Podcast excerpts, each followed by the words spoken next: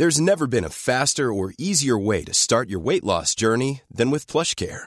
PlushCare accepts most insurance plans and gives you online access to board-certified physicians who can prescribe FDA-approved weight loss medications like Wigovi and Zepbound for those who qualify. Take charge of your health and speak with a board-certified physician about a weight loss plan that's right for you.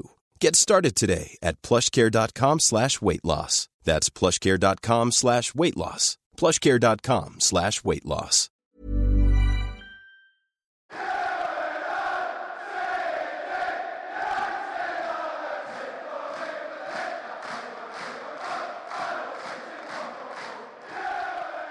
Halo pendengar GGMU, balik lagi uh, di serial setelah pasca season berakhir dan seperti yang sudah-sudah uh, pada bahasan kali ini sampai mungkin bulan Agustus sebelum uh, campaign 2021-2022 dimulai kita akan bahas lebih kepada hal-hal yang berkaitan dengan MU tapi non pertandingan. Nah, pada kesempatan kali ini ini bahasan yang sebenarnya masih rumor dan karena kita juga orangnya orang Indonesia lebih tepatnya orang suka gibah dan kita suka mempertontonkan tidak pastian meskipun itu hmm. kadang belum tahu keberadaannya benar apa enggak tapi karena seru aja jadi kayak kita bahas gitu kan. Nah, yeah. pada hari ini kita bahas tentang satu orang lagi ya, satu sosok gitu kan, tokoh uh, bisa dibilang cukup legenda lah di MU meskipun dia live out di usia yang bisa dikatakan uh, masih cukup uh, apa ya uh, umurnya dua udah. kalau nggak dua lima dua tiga. dua tiga bro. Dua tiga ya? Tuh. Dua tiga dua tiga dua empat ya cabut. Iya kan tapi dia udah mendapatkan title uh, legend. Ini, ini yeah. ya misalnya ini berdasarkan dari beberapa uh, apa kutipan-kutipan yang gue dapat juga. Dan menurut gue sih kalaupun dia harus dibuatkan statue menurut gue sih bisa-bisa aja gitu kan. Itu tergantung dari bagaimana kemudian kita melihat sok ini gitu. Dan hmm. uh, kita tahu lah siapa yang kita bahas gitu kan. Darren Gibson ya? oh, Makeda anjir. Makeda. Nah, tapi ya ini udah tau lah kita bahas orang yang kemudian sekarang masih berbaju zebra gitu kan. Dan kita nggak tahu apakah dia nanti next seasonnya bakal pindah ke mana. Tapi gini uh, sebelum gue mulai ini sebenarnya ini dulu kali ya semacam kayak disclaimer. Sebenarnya Ronaldo ini kan bukan kali pertama. Dia nih dirumorkan akan balik ke MU. Kalau lu tahu dari mulai dia zamannya di Madrid pun ketika dia ada apa namanya konflik dengan Perez tuh tiba-tiba dia ngebuat isu atau mungkin orang-orang tuh berarti kalau dia bakal balik ke MU gitu kan. Segala macam. Bahkan seingat gue ketika dia sebelum pindah ke Juve pas tahun 2002 tahun lalu ya dia tuh kan dongkrak ke MU juga gitu loh. Jadi ketika orang bilang hype Ronaldo balik ke MU itu sekarang tinggi karena satu dua hal yang kita jelasin, menurut gue ini bisa bilang ya jangan-jangan hanya kita termakan termakan gosip lagi aja gitu. Nah kalau gue mulai kalau sebagai uh, fans MU yang udah lama ngikutin jejak Ronaldo dari mulai di MU Madrid hingga sekarang Juve, kemungkinan berapa persen nih uh, lu ngelihat Ronaldo bakal balik ke MU? Wah ini pertanyaan yang sangat-sangat apa ya? Mungkin ini bagi bagi gue sendiri rumor rumor kedatangan Cristiano Ronaldo ke Manchester United itu bukan suatu yang baru gitu. Ini udah udah udah lima lima tahun mungkin ya lima tahun empat tahun terakhir selalu ada rumor-rumor dia mau ke MU mau ke MU mau ke MU gitu dan setiap tahunnya kita selalu dikecewakan karena dia tanda tangan kontrak atau naik gaji gitu kan cuman uh, melihat posisi Juve sekarang dan melihat circumstance di Juve gitu ya gimana uh, mereka ganti pelatih, lalu posisi di liga juga kurang baik gitu dan tidak bisa challenge untuk uh, posisi di liga maupun uh, Liga Champions. Gua rasa mungkin ada sekitar 60-70 persen dia akan gabung ke Manchester United sih. Oke, okay, 60 ya berarti. Gitu. 60 persen ya. 60 persen, oke. Okay. Mm -hmm. Nah, gue assuming Alvin adalah 40 persen ya gitu. Enggak bro, bahkan gak nyampe 40 bro. Oke okay, oke, okay. berapa berapa? Berapa berapa? Ya, five persen lah. Berapa? Five persen, men. Temu ini ini kemungkinan kan? Kemungkinan. Iya iya iya lah. Sekarang musim depan atau pada nanti gitu? Ini di summer, di summer. Di summer? Oh, ya, ya lima lah. Ya, lima lima persen lah. Oh my god, bro. This is Cristiano Ronaldo, man. Ya, ya lu realistis atau enggak? Udah gitu aja. Kalau kalau kalau bicara uh, im, uh, apa imajinasi sih ya gue juga mau-mau aja gitu. Tapi kalau bicara realistis ya menurut gue lima persen sih. Oke, okay. apa yang ngebuat akhirnya 30 sorry uh, 90% itu nggak menjadi kenyataan eh Vin? Satu, dia masih terikat kontrak gitu kan. Satu, meskipun satu tahun lagi. Kedua, harganya itu kalau gue cek ya di transfer market sekitar uh, kemarin tuh sebelum musim berakhir kalau nggak salah 60-an juta euro tapi sekarang di uh, transfer market tuh 45 juta. Dan uang ini lagi-lagi gitu. Gue bingung. Gue kadang-kadang bingung sama Saung gitu. Dia pingin Harry Kane tapi pingin Cristiano Ronaldo juga. Lu maunya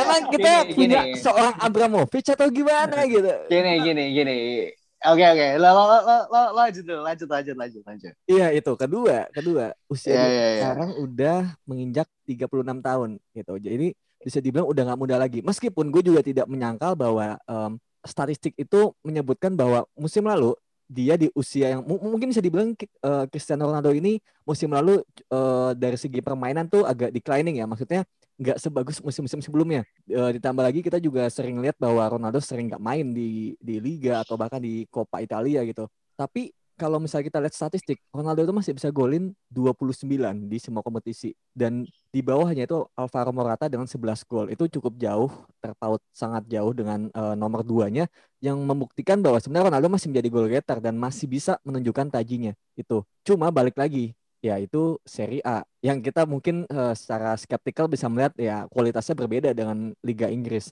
dan juga kita udah punya seorang Edinson Cavani yang dikontrak satu musim lagi itu jadi buat gua uh, dari segi realistik itu sangat tidak masuk akal apalagi dengan uang 50 juta itu mending buat beli Rafael Varane 35 juta. Hmm, Oke, okay. mungkin ini ya. Uh, Oke, okay. mungkin okay, sebelum okay. ke Saung, sebelum ke Saung gue ini ya Livin ya.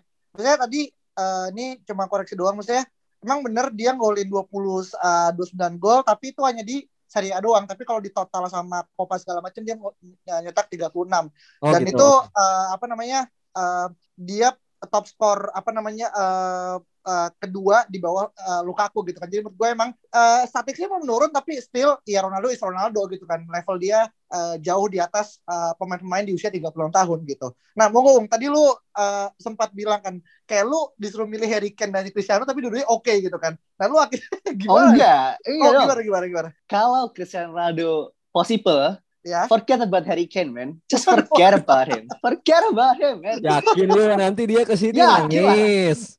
Biarin, bro. Biarin. Ta bro, terakhir kita nikmatin Cristiano Ronaldo pakai jersey MU itu kita masih SMP, cuy. SMP SMA. Eh, ini kita ada kesempatan nih untuk men untuk menikmati Cristiano Ronaldo sekali lagi di Manchester United. Dia harus ambil lah, men, gitu.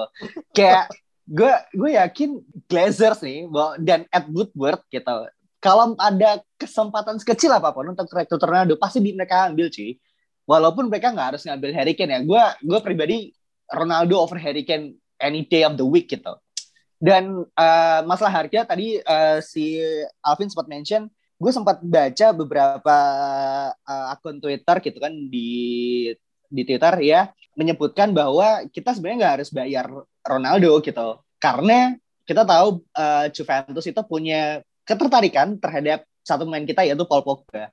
Sekarang gue tanya kita kan, will you guys willing to let Paul Pogba swap with Cristiano Ronaldo? No. Kalau for me ya, kalau gue swap aja, tuker aja, men. Menurut gue sih. Karena apa? Karena uh, Pogba tuh terlalu gue rasa dia terlalu ini ya bukan bukan terlalu problematik tapi kayak somehow dia nggak bisa memaksimalkan kemampuannya gitu di Manchester United gue nggak tahu apa yang salah apakah karena pemainnya memang tidak bisa mengeluarkan uh, apa kemampuan dia gitu atau emang dia yang terlalu punya isu gitu. Entah dari agentnya atau dari saudara-saudara yang bilang kayak uh, eh, gue harap Pogba ke Real Madrid atau ke Barcelona gitu segala macam gitu yang yang menyebabkan environment yang gak enak gitu. Dan apa kontraknya juga tinggal sama-sama tinggal setahun kan. Jadi kayak kalau gue sih ya kalau misalnya ada kesempatan untuk kayak Ronaldo ya Ronaldo men. Enggak enggak bro. Kalau kalau gue mending gimana caranya MU harus bisa perpanjang kontrak Pogba dengan cara mendatangkan kompatriotnya yaitu Rafael Varane dan ya gue nggak tahu siapa lagi mungkin D, seorang DM yang sekuat N'Golo Conte ya di Perancis karena kalau kita lihat Pogba itu di Perancis mainnya enak banget Kenapa? Karena DM-nya tuh kuat, bisa cover dia. Sedangkan di MU, dia hmm. main sama McTominay dan Fred gitu. Nggak ada aman-amannya gitu kan. Yang bikin dia juga mau maju ke depan, dia nggak terlalu segitu uh, apa bebasnya lah gitu buat driving ke depan. Jadi menurut gua ketika misalnya kita anggap aja gitu uh, sebuah rumah gitu kan. Gimana cara biar lu nyaman ya? Lu bawa teman-teman lu gitu kan. Kompatriot lu di, di, di apa diperbanyak lagi. Kolega-koleganya dengan cara itu Rafael Varane dan juga mungkin sebu, seorang DM mungkin uh, Wilfred Didi atau Declan Rice yang kita juga di episode sebelumnya udah sempat mention. Dan menurut gue dua dua orang itu cukup menunjukkan bahwa MU ini cukup ambisius untuk memperbaiki musim lalu dan juga uh, melihat masa depan yang lebih cerah. Dan gue yakin kalau sudah kayak gitu Pogba juga akan ya berpikir ulang oh oke okay, MU nih arahnya udah benar. Kemarin juga uh, di Europa League juga sebenarnya arahnya udah benar gitu. Cuma memang ada masalah teknis dan segala macam mungkin burn out juga yang membuat sebenarnya nggak bisa juara. Dan di liga juga sebenarnya udah uh, on the right track lah gitu. Jadi buat gue mending kita lihat ke hal yang lebih long term lagi yaitu Paul Pogba. Karena kalau kita lihat Real Madrid itu nggak punya duit cuy. Utangnya banyak, nggak akan bisa beli Pogba, gue yakin. Gue yakin dia bakal lebih ngejar Mbappe dibandingkan uh, Paul Pogba. Barcelona juga sama aja nggak ada duitnya. Juve pun juga ya menurut gue juga nggak ada duitnya juga gitu. Jadi Pogba ini mau pindah ke mana? PSG doang gitu yang mungkin. Dan sejauh ini gue juga nggak mendengar rumor itu. Itu sih menurut gue yang membuat kalau lu tanya Pogba atau Ronaldo ya gue mending pilih pilih Pogba aja. Oke, okay. uh, kalau Saung nanya ke gue ya terkait dengan gimana akhirnya gue menanggapi terkait dengan isu Pogba dan juga Ronaldo gitu kan. Uh, pertama gue bilang, gue bisa bilang ya ini nggak apple to apple secara posisi gitu kan. Yang mana gue udah mulai cukup meragukan kalau memang Indian Ronaldo akan ke MU berarti kan sebenarnya kita memang menambah satu posisi uh, di departemen uh, striker gitu kan. Atau dia mungkin ya wing tapi mungkin sekarang karena usia dia main di striker. Tapi sebenarnya kita meninggalkan lubang yang jauh bolong lagi itu di bagian uh, CM itu sendiri gitu kan. Yang sebenarnya gue pribadi nggak uh, cukup yakin bahwasanya MU itu cukup cerdas dalam uh, ber, apa ya memainkan sisi tambal-tambalan ketika memang ada hal yang kemudian kurang gitu kan. Itu yang pertama. Jadi menurut gue uh, unless emang kita kemudian uh, memberikan backup uh, dua uh, central midfielder atau dalam artinya satu CM satu DM yang kemudian akan uh, dijanjikan kalau Pogba leave menurut gue that's totally fine kalau misalnya harus pindah ke Ronaldo. Tapi kalau enggak uh, gue stick pada apa yang kemudian Alvin sampaikan gitu kan. Selain dari sisi umur sisi komersial menurut gue dua-duanya punya punya marketnya masing-masing dan dua-duanya adalah icon superstar juga kan uh, di spot of Ronaldo uh, mungkin jauh lebih ini karena dia udah lama di MU dan kedatangan dia akan lebih ditunggu-tunggu lagi gitu kan. Selain juga mungkin uh, fans MU pun sekarang menunggu uh, Jadon Sancho gitu. Tapi menurut gue ya buat of, buat dari dua pemain punya nilai jual gitu kan. Tapi yang tapi posisi beda. Nah yang ketiga uh, sebenarnya gini uh, tadi kan sebenarnya Alvin sempat menyebutkan angka Ronaldo itu berada di 45 juta gitu kan. Nah, padahal dia tinggal satu uh, musim lagi itu sama kayak Pogba gitu. Karena kenapa harganya bisa setinggi itu gitu. Jadi kalau kita lihat di di apa namanya uh, di uh, transfer market gitu sebenarnya gaji Ronaldo dapatkan sejauh ini di di sorry di Juve ya itu di angka 500 uh, ribu uh, uh, pounds per week gitu kan. Yang mana itu kalau kita bandingin dengan uh, gaji terbesar uh, di MU sekarang, which is De Gea tuh di angka 375 uh, ribu gitu kan. Nah, sedangkan uh, apa namanya kalau misal kita mendatangkan dia, mungkin ada kemungkinan dia akan uh, apa willing to pay cut apa namanya the bill gitu kan. Nah, masalahnya adalah seberapa persen nih Ronaldo mau untuk kemudian nge-cut the, the bill gitu gitu kan. Apalagi kalau memang isu terkait dengan De Gea dan juga Henderson juga belum selesai karena nanti ujungnya akan menambah burden lagi kepada uh, uh, bur, apa namanya kepada salary di di MU gitu kan. Karena kita tahu uh, ya kita mungkin agak kurang bagus cakap juga dalam kemudian memberikan kontrak-kontrak kepada beberapa pemain. Contoh Jesse Lingard, Phil Jones hmm. itu adalah contoh-contoh bagaimana buruknya manajemen sistem MU dalam menilai valuasi sebuah pemain gitu kan. Menurut gua itu salah satu konsiderasi harus kita uh, ukur gitu. Karena sedangkan di satu sisi uh, balik ke Pogba gitu kan yang gue baca juga dari Mail Sport adalah sebenarnya agennya Pogba which is Raniola sendiri kan sebenarnya sekarang masih ongoing discussion dengan hierarki MU gitu kan. Di mana sekarang ini kan uh, Pogba ditawarin 290 290 ribu uh, apa sponsorin per week gitu kan. Jauh lebih besar 100 ribu dibandingkan sebelumnya gitu. Tapi uh, Rani Rayola pengennya uh, Pogba dapat 500 ribu gitu kan. Yang terbesar di MU uh, di atas dari De Gea sendiri gitu. Jadi sebenarnya ini adalah ini kayak semacam kayak uh, kompleksitinya jauh lebih dalam karena ini nggak hanya terkait dengan kita pengen pemain itu datang karena legend, legenda dan juga satu karena kita butuh uh, Pogba yang karena kita udah mulai style dan kita butuh DM yang kita gunakan ini tapi lebih karena bagaimana kemudian uh, numerisasi gaji di MU pun akan akan cukup berantakan kalau dua-duanya ini kemudian tidak dengan baik sih Ung sama uh, Vin mungkin ini kalau dari gue gitu sih pertimbangannya hmm. lebih kepada manajemen wise kayak gitu. Ini kalau misalnya so, sorry, uh, tadi gue mau mau koreksi dikit tadi kalau nggak salah dia bilang gaji Ronaldo berapa 500 ya 500 iya. ribu pounds ini gue malah nemunya dia itu 950. Nah itu kalau dikonversi dalam dalam uh, ini yang lain. Jadi Apa? kayak di sini tulisan 500 500 titik nol uh, per week buka kurung kalau dalam USD itu dibagi di 920 uh, Vin. Jadi itu sebenarnya sama aja. Jadi kayak conversion rate antara Gue lihatnya malah pound sterling ini. Gue di uh, website Salary Sport itu 950 ribu pound sterling gitu ya gua gua gua gua nggak tahu sih maksudnya uh, mungkin kita beda beda sumber harusnya sih sama ya hmm. tapi yang gue iya harus sama kan kayaknya 500 terlalu kecil karena Messi aja tuh satu juta Messi itu satu juta. Jadi buat gua Messi sama Ronaldo harusnya bersaing di angka-angka segitu menurut gua ya menurut okay. gua. Tapi okay, okay, uh, okay, satu okay. hal yang pasti adalah uh, misalnya kita harus membayar uang segitu lagi gitu gua sih kayak aduh sayang banget cuy gitu. Hmm. iya.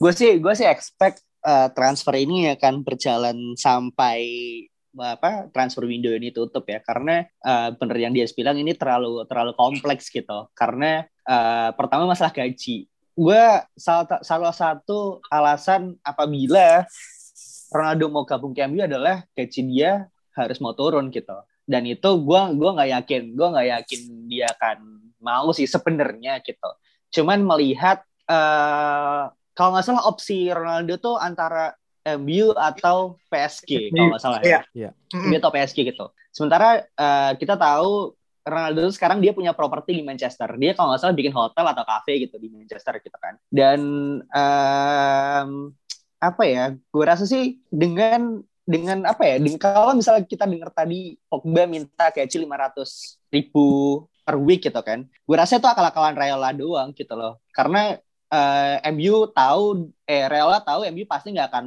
mau agree hal tersebut gitu dan memaksa si Pogba untuk untuk cabut gitu dan karena Alvin sendiri juga bilang Juve nggak punya duit gitu. Salah satu offer Juve itu ya menawarkan Ronaldo ke Manchester United untuk dapetin Paul Pogba. Menurut gue sih gitu. Mm. dan apakah MU akan terima dengan melihat situasi yang sedang panas gitu ya? Gue melihat situasi sedang panas antara fans dengan owner dan dengan Edward Bird yang akan cabut gitu, yang Glazer yang akan berusaha mendapatkan hati fansnya lagi, chance ini lebih gede dari sebelumnya. Menurut gue sih seperti itu, gitu loh. Kedatangan okay. Ronaldo itu seperti itu, gitu sih. Gue melihatnya hmm. dari sisi tersebut, bukan kayak uh, semata romantisme, oh akhirnya balik nih gitu, si anak emas gitu kan.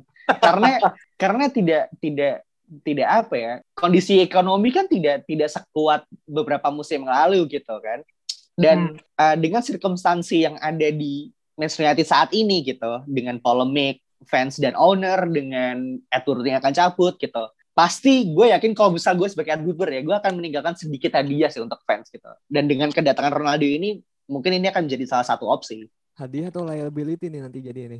Nah gue sih yakin Ronaldo nggak akan jadi liability dia tetap dia tetap Ronaldo. Dia bukan dia bukan Eden Hazard di Real Madrid. Gitu. ya kan dia tetap Cristiano Ronaldo Hmm, capaian okay. 20 29 gol di Liga Serie A gitu. Itu cuma bisa dikalahkan sama Romelu Lukaku yang emang lagi perform banget di bawah Antonio, Antonio Conte gitu sih. Hmm, oke oke oke.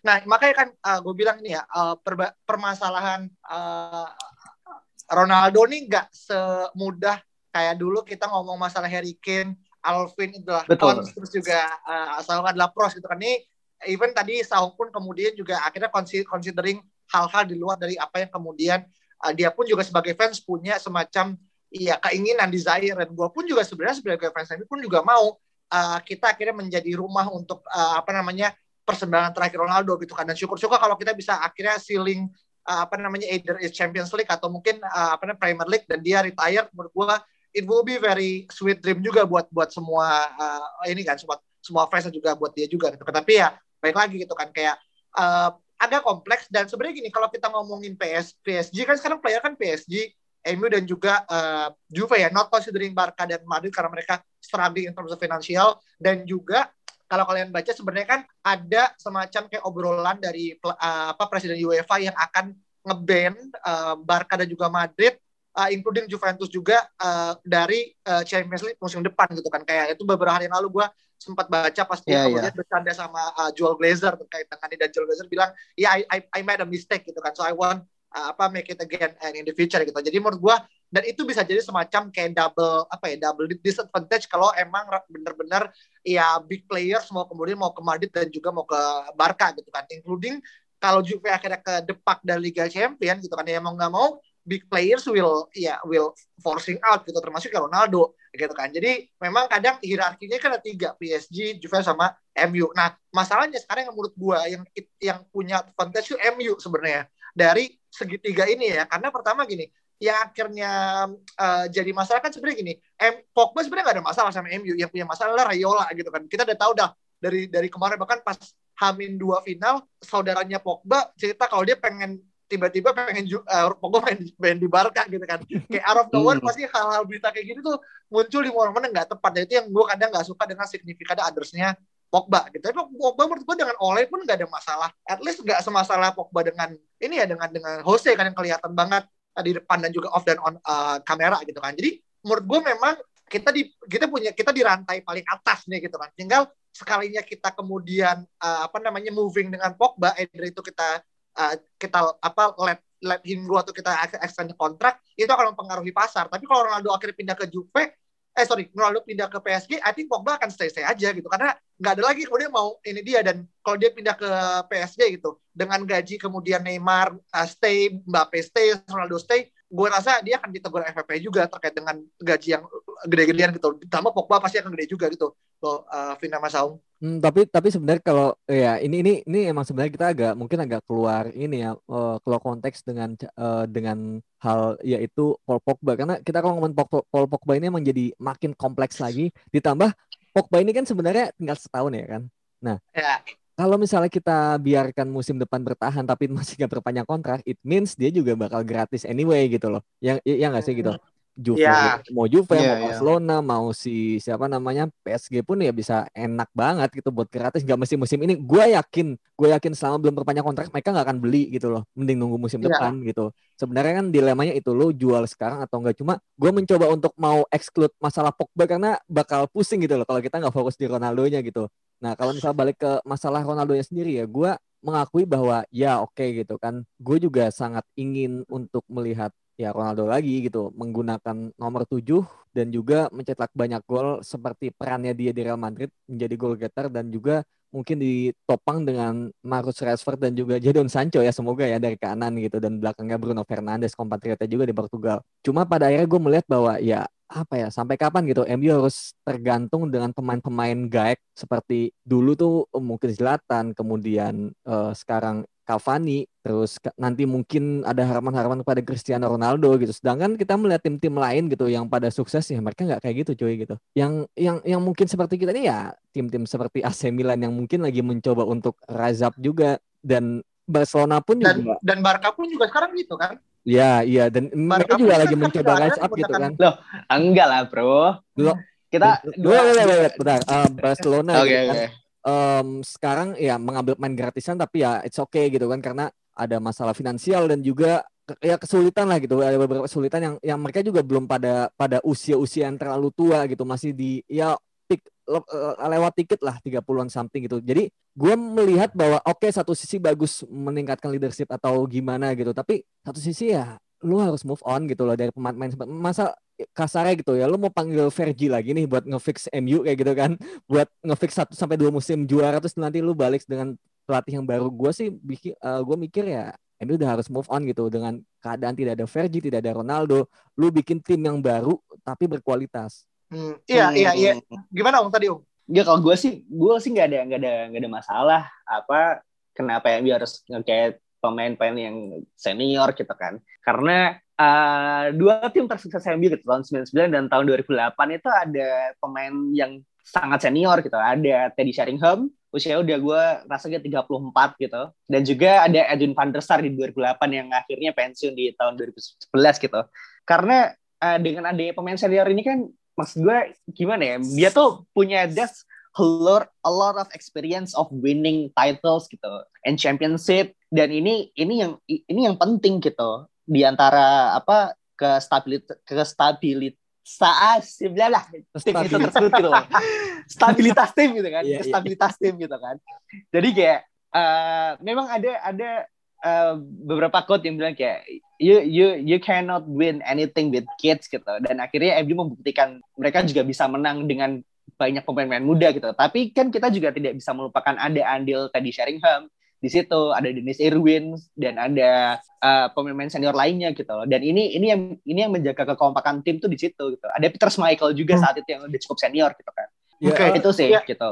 Benar, benar. Uh, buat gue gini, kalau kiper, oke, okay, kiper itu dari segi mungkin ya, gue gue gue nggak tahu ya, tapi uh, kita melihat kiper ini mungkin kalau ya kita melihat trennya makin tua makin jadi gitu kan. Beberapa kiper juga ada yang makin tua makin jadi, ada yang mungkin declining juga kayak David De Gea gitu. Tapi pada intinya tuh buat gue kiper tuh um, terlalu masalah gitu kalau tuh tapi ini goal getter gitu loh maksudnya uh, apalagi di Liga Inggris yang makin ke sini makin taktikal gitu kan dan um, apa ya ya gue gua masih merasa gitu MU ini harus move on. Oke, okay, Teddy Sheringham gitu kan. Tadi lu, lu bilang usia 30-an something. Oke, okay, benar itu usia 34. Tapi apakah dia bermain reguler? Kan enggak gitu. Dan apakah nanti kita kita beli Ronaldo, apakah dia mau gitu ditinggal di bench gitu? Gue juga gue pikir enggak juga gitu. Masa lu bayar gaji segitu tapi lu tinggalin di bench atau lu misalnya harus bayar sekian juta, sekian puluh juta, 40 50 juta lu tinggalin di bench sedangkan lu juga punya strikers kelas misalnya ya MU dapetin Erling Haaland gitu kan dengan 75 juta dengan gaji sekian-sekian terus lu punya Ronaldo juga gitu apakah itu nggak wasted gitu? Jadi buat gue tuh ada satu sisi opportunity cost yang harus lu ambil. Apakah lu mau maju dengan cara yang lebih apa ya ya lu mengandalkan pemain yang memang udah ada bukan jaminan ya tapi lebih fresh gitu. Atau lu lu mengambil sesuatu yang sebenarnya udah pasti menjamin tapi ya itu cuma jangka waktu pendek gitu dan gue takut hmm. itu tuh menjadi sebuah liability pada akhirnya karena tadi ada gaji ada juga pressure dari media dan juga mungkin dari agen yang lu mau nggak mau lu harus mainin Ronaldo dalam sekian match misalnya terus misalnya ada sebuah momen genting yang menurut menurut kita mungkin harusnya ini yang yang masuk gelandang atau sayap. Tapi karena kita harus masukin Ronaldo ya Ronaldo lah yang dimasukin. Atau kita hmm. melihat Ronaldo ini mainnya jelek nih harus ditarik. Tapi kan ada tekanan-tekanan kayak gitu Ronaldo nggak jadi ditarik gitu. Hmm. jadi gue yeah. takut ada favoritism di dalam itu karena Ronaldo terlalu superstar gitu. Dan gue nggak hmm. pingin ada hal-hal seperti itu di MU itu yang bakal menurut gue jadi liability khawatirnya yeah. ya. Ya gini sih. Uh, sorry ya sebentar ya. Dikit uh, kalau gimana ya kalau mempertimbangkan masalah taktikal dan Liga Inggris yang sudah berubah gue rasa nggak relevan sih sama Ronaldo gitu. Dia bisa main di liga mana pun gue rasa gitu kan. Dan ini ini bukan ini bukan Zlatan Ibrahimovic gitu. Ini bukanlah Edison Cavani ini bukan uh, Niklas Bender gitu. Ini Cristiano Ronaldo. ini Cristiano Ronaldo gitu. Dia top skor sepanjang masa, bro. Di semua liga, men. Gila, dia menang UCL tuh tiga kali berturut-turut, cuy. Gitu. Dan gue rasa segala macam taktikal apa pun bisa dimakan lah gitu sama Ronaldo gitu kan. Dan uh, sekarang gini deh, sekarang gini. Uh, Oke okay, kita kita bicara tentang uh, Erling Haaland, kita bicara tentang pemain-pemain uh, lainnya di gelandang gitu kan. Siapa pun gitu. Satu hal yang bikin gua sampai sekarang masih uh, ragu gitu, apakah MU bisa mem, apa, membeli pemain tersebut adalah apakah MU punya cukup pulling power man, untuk untuk mereka masuk ke Manchester United gitu. Dengan ada Cristiano Ronaldo di situ, itu udah cukup pulling power untuk pemain-pemain bintang nih main sama Ronaldo cuy. Pulling power atau bikin mereka jadi ya gue gak akan main cuy ada Ronaldo. Ya pulling power lah cuy. Ini kan kita kan kita kan bicara tentang posisi yang berbeda gitu. Kalau misal kalau misalnya apa Ronaldo masuk kan nggak mungkin kita beli striker lagi gitu loh. Kita bicara tentang gelandang, kita bicara tentang back, kita bicara tentang sayap gitu loh. Gitu. Jadi kalau misalnya Ronaldo masuk ya just forget about Harry Kane gitu. Kita punya Cavani, kita punya Ronaldo, ada Greenwood, Rashford main di sayap, Sancho main di sayap gitu. Ya udah, berarti kita tinggal mikirin apa sisi sisi lainnya gitu. Dan ini adalah pulling powernya, pulling powernya dari Cristiano Ronaldo, men. Hmm. Apakah oleh cukup untuk menggait uh, Erling Haaland gitu? Gue sih masih ragu gitu loh. Tapi apakah uh, dengan ada Cristiano Ronaldo dan sisi historisnya dia main di situ gitu. Dan gimana kita tahu Erling Haaland sangat mengidolakan Cristiano Ronaldo begitu begitu juga pula Kylian Mbappe gitu kan. Ini kan pulling powernya tuh dia gede banget cuy. The League aja langsung mau pindah ke Juventus karena Cristiano Ronaldo yang minta gitu loh. Hmm. Ya, Menurut ya, gue ya, kayak pulling power Cristiano Ronaldo ini ya yang yang bikin MU tuh tertarik gitu. Pulling power dan juga uh, sisi marketingnya gitu loh. Hmm itu sih. Ya, ya, Sekarang ya. bayangin aja ketika dia deal gitu kan. Dapat nomor 7 ke Ronaldo musim 2021 2022 gitu. Seminggu langsung lunas itu cuy dari merchandise doang. gitu ya. Yakin gue. itu dia dia membawa membawa banyak hal tidak tidak serta merta dia hanya menjanjikan gol ya tapi dia membawa banyak hal ke sebuah klub sepak bola. Menurut gue sih seperti itu. Hmm, iya iya iya. Oke oke. Thank you om. Uh, dan juga apa uh, Alvin. Nah mungkin gue ini ya mau mau sedikit mengafirmasi apa yang Saung katakan untuk saat ini gitu kan. Karena gini sebenarnya kemarin tuh Berbato pun sempat diwawancara sama Betfair gitu kan terkait dengan spekulasi Ronaldo balik ke MU dan dia bilang sangat dengan sangat lugas sih bilang age is not an issue gitu kan. Buat pemain sekelas Ronaldo, he can live un until 40 years old gitu kan. Apalagi untuk untuk kemudian main di uh, Premier League, uh, Berbato pun masih sangat percaya Ronaldo adalah orang yang tepat untuk kemudian membawa MU untuk kemudian nggak cuma lifting the trophies, tapi juga kemudian mengembalikan magnet uh, MU sebagai salah satu klub terbesar gitu kan. At least tiga terbesar lah di bawah Madrid sama Juve gitu kan. Yang kita mungkin udah cukup jauh tertinggal sejauh ini gitu kan. Jadi for certain points in terms of uh, physicality dia, technicality,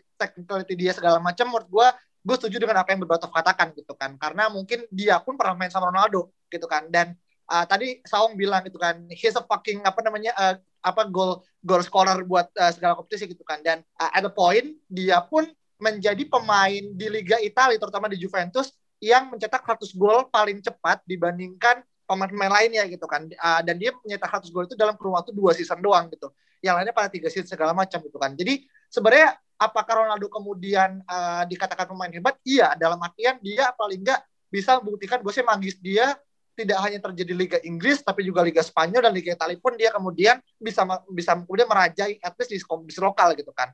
Terlepas loh tapi kan dia nggak bisa kemudian dapat membawa Juventus menang Liga Champion gitu. Nah kalau apa yang gue dapat dari teman-teman gue yang fans Juventus karena gue juga banyak fans Juventus teman gue ini dia bilang yang ngebuat Juventus akhirnya tidak dapat meraih eh, meraih titel Liga Champions sebenarnya bukan Ronaldo tapi tim yang akhirnya nge-build Ronaldo itu yang kemudian tidak cukup capable dalam menghandle uh, Ronaldo ketimbang kalau dikomparasi dengan MU tahun 2008 ataupun ketika dia pasca dari 2008 di Madrid yang kemudian ya apa tiga kali berturut-turut kemudian menang Liga Champions gitu kan. Jadi menurut gue memang kadang uh, dia pun memang butuh support player dan gue setuju kalau memang itu bisa jadi daya penarik untuk pemain gitu kan. Tapi balik lagi, uh, gue akhirnya tetap setuju sama uh, Alvin juga bahwasanya memang kadang we need to be realistic gitu kan. In in modern day sekarang banyak hal yang kemudian benar-benar menjadi faktor yang mana mungkin di tahun-tahun 1998 gitu kan. 2008 ini uh, never happen before gitu kan. Dan menurut gua kita tahu juga gitu kan pada hari ini kita take podcast di Inggris sana gitu. Sekarang lagi ada uh, tanggal 4 uh, Juni ini di sana Glazer lagi ikut join uh, forum fans gitu kan untuk pertama oh, iya, kalinya. yang kita juga udah bahas juga gitu kan. So I think uh, we hoping to hear any apa positive news gitu kan. Dan tadi gue juga baca kayak fans diharapkan juga tidak terlalu uh, apa namanya duduk manggut-manggut doang apa yang Joel Gazer katakan. Akhirnya juga kemudian bisa giving better reaction. So uh, itu akhirnya bisa jadi salah satu bentuk sign apa yang kemudian kita lakukan sih di di, di pada transfer ini sih uh, Om sama Alvin. Iya iya ya, sebenarnya juga gue gue nggak lagi yang kontra Ronaldo untuk datang ya gitu kan. Tapi pada akhirnya gue iya siapa gitu? Gue yakin nggak ada satupun fans MU yang sebenarnya kontra atau sangat tidak yeah. ingin melihat Ronaldo lagi gitu. Bahkan fans fans mungkin Liga Inggris pun juga bakal dengan senang hati ya quote unquote gitu melihat, hmm. iya lah dukung itu datang lagi ke Liga Inggris. Jadi kayak uh, apa ya mungkin fans-fans Liga Italia gitu yang suka Ronaldo tiba-tiba pindah nonton Liga Inggris gitu. Mungkin gitu ya. Tapi tapi presiden iya ya, betul. Hmm, apa? Pres presiden La Liga aja sedih waktu Ronaldo cabut kan? Iya ya karena uh, persaingan dengan Messi kan jadi tidak sepanas dulu gitu. betul, gitu. Sekarang dia betul. mau persaingan sama Mariano gitu kan di Real Madrid. Nah, weight, Bro.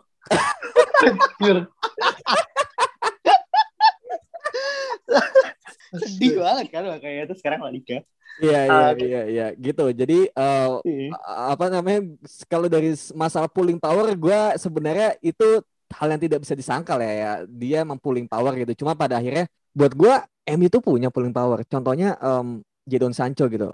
Ya the only one destination yang ya favorable ya ke Manchester United gitu. karena karena karena Marcus Rashford gitu dan juga Paul Pogba. David Diaz, David Diaz sekarang juga itu itu udah menjadi pulling power buat gue gitu dan gue nggak melihat seorang olehnya doang gitu loh. Tapi magisnya MU gitu Old Trafford yang mungkin udah gak angkat tapi ya pemain-pemain tuh masih ingin bermain di sana gitu. Oke okay, oke okay, Cristiano Ronaldo bakal sekuat itu iya benar gitu. Tapi buat gue sekarang pun gak lagi yang lemah karena MU juga udah on the right track dan progresnya jelas gitu. Iya kalau masa Jadon Sancho sih kayak lebih ke pulling power temen sih men. Kayak eh bro gabung aja lah. dalam ya?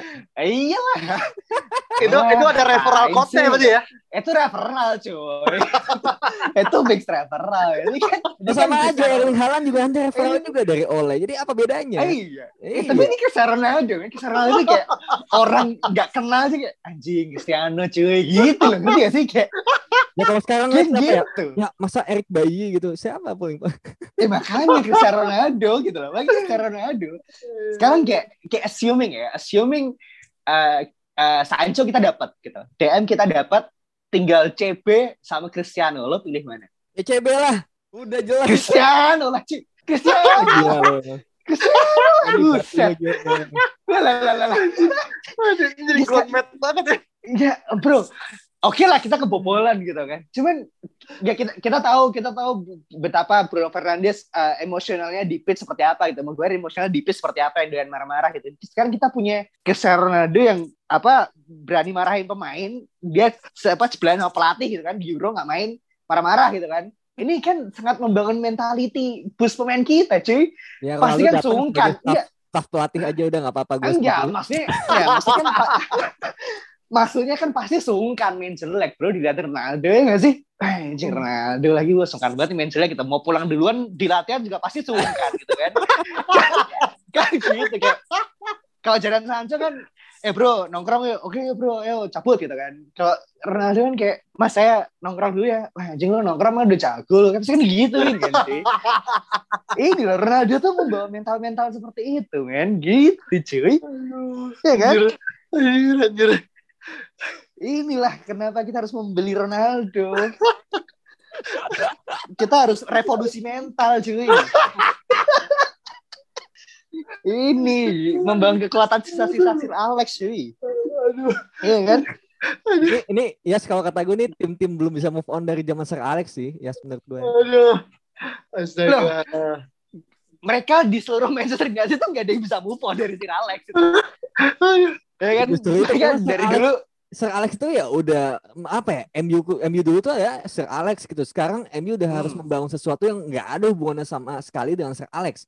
Ketika MU masih menghubung-hubungkan dengan itu ya, lu nggak akan pernah bisa gitu karena Sir Alex Sir Alex gitu. Dia eksepsional yang ya cuma bisa Sir Alex lah yang bisa juara dengan tim isinya Anderson, Tom Cleverley, Phil Jones. Sekarang musim depannya dikasih pemain yang sama, pelatih yang beda, ya peringkat 6 langsung gitu. Jadi Nah, iya. Iya, justru. Betul. Justru itu makanya makanya kisah apa Sir Alex saat itu nggak beli Ronaldo lagi karena dia pakai Anderson pun menang gitu. Ini kan Solskjaer. gitu. Ini alasan banget. Harus beli cuy. ya. Lo ngerti lah. ya kan? Gimana ya? Gimana ya? Iya, iya, gue ngerasa gini ya. Maksudnya sekaligus time up juga gue harusnya kayak uh, kayak buat Saung mungkin ya kayak ini kayak Ronaldo kayak 911 gitu loh kayak ini in case of emergency ya I think Ronaldo akhirnya bisa jadi uh, apa namanya main of steel kita gitu iya, kan. Uh, banyak gitu, kan. kebobolan banyak solusinya Ronaldo gitu kan. Kiper jelek solusi Ronaldo gitu ya. gue gue gue rasanya Saung lagi kerasukan rohnya Justin kayaknya sih. Enak aja lu kagak lah. Wajir. Kayak kan jadi kan bilang apa if you apa lu kejebolan dua you, you can apa score uh, three goals you can still win the game gitu kan. Ya maksud maksud gue pemain Mustafa lihat Ronaldo di tim situ pasti udah cipar duluan. Ya kan? Gitu loh kayak sekarang kita bisa ngegolin dua dua gol tiga gol di apa menit-menit pertama gitu kan pasti kan udah udah ada mentality kita akan memenangkan pertandingan tersebut gitu loh Ci. Ya kan? I see. Benar benar. Cuma, okay, okay, okay. cuma cuma apa ya? Ya ya itu dari segi mentality oke okay, gitu. Cuma ya it's not the only one aspect gitu loh yang mempengaruhi game, liga dan um, mungkin kayak Cywar gitu kepada tim lain gitu kayak ya itu satu aspek penting tapi nggak not the only one gitu dan ya kalau mau kayak gitu ya balik lagi gitu kan. Um, kemarin pun ya balik lagi yang tadi dia bilang ya meskipun bukan jadi sebuah alasan ya Juve juga kemarin gagal juara terlepas dari Andrea Pirlo yang mungkin kurang mumpuni ya. Tapi dalam arti ya ternyata hal-hal kayak gitu juga nggak selalu Ronaldo itu menjadi orang yang harus selalu di, bisa diandalkan gitu loh inside out gitu. Dalam lapangan di luar lapangan dia menjadi orang terus-terusan untuk ya dia usia 36 dan apa ya adalah ada sebuah sesuatu yang kayak ya dia udah memenangkan segalanya. Ambisi-ambisi itu ya pasti ada sedikit yang berkurang meskipun kita melihat dia betapa ambisiusnya dan bet, uh, melihat dia cara dia menjaga tubuhnya ya gitu. Tapi pasti ada rasa tidak selapar dulu gitu ketika dia udah juara Liga Champions berapa kali, juara Liga berapa kali, cetak berapa gol gitu dan sekarang mungkin dia juga lagi mengejar uh, gol internasional ya dari pemain Iran tinggal 6 gol lagi. Jadi mungkin kita bisa melihat ya the last the last, kalau apa the last the last match bukan the last match ya, tapi the last turnamen dia di internasional ya gue yakin dia bakal explode dan ya itulah menurut gue kenapa gue nggak sign Ronaldo karena ya lu nggak bisa mengalahkan pemain segitu gitu untuk jangka waktu yang lama, mending lu invest untuk hal yang lebih oke okay, mungkin di musim-musim awal bakal struggle tapi nantinya dia bakal bisa mungkin bisa lebih explode lagi daripada Ronaldo. Mm -hmm. Oke, okay. ya ya ya ya. Mm -hmm. Oke, okay.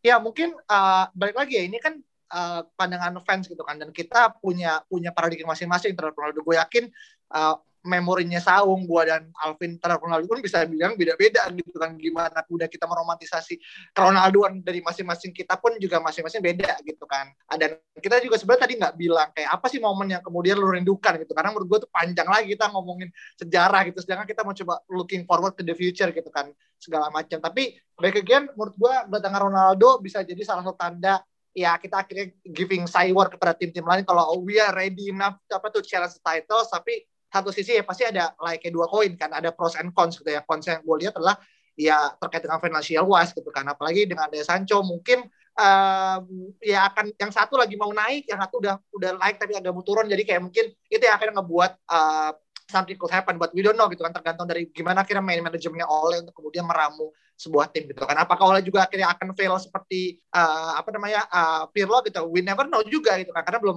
season belum bergulir dan kita masih berbicara masalah kemungkinan-kemungkinan gitu. Nah, mungkin itu aja dari kita dan juga mungkin uh, gue kemarin nemu satu, gue menutup mungkin ya, uh, gue nemu satu tweet yang lagi viral juga kemarin terkait dengan Ole, Pogba dan juga Ronaldo dan bisa aja ini akhirnya bisa menjadi anti klimaks dari apa yang tadi kita kita uh, sampaikan gitu. Ini bisa menjadi kayak hmm apa apa pembeda gitu kan. Dibilang ini adalah uh, keep Pogba by Ronaldo, sell Ole.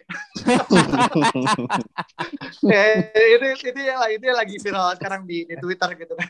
Sign siapa Jadi ya kira bisa aja terjadi kan. Kalau saya ya, David gitu. Moyes sama ya, itu aja. Ya. Zidane lah nganggur itu. Ayo. Ya, ya apa whoever apa namanya itu tapi itu kan sangat menurut sangat radikal dan chance-nya mungkin uh, nol koma ya dengan dua-dua itu kita ngejual pelatih kan nggak nggak pernah ada juga dalam dalam apa catatan kita juga gitu. Jadi itu aja dari kita. Thank you so much for listening dan sampai jumpa di episode-episode berikutnya. Dadah.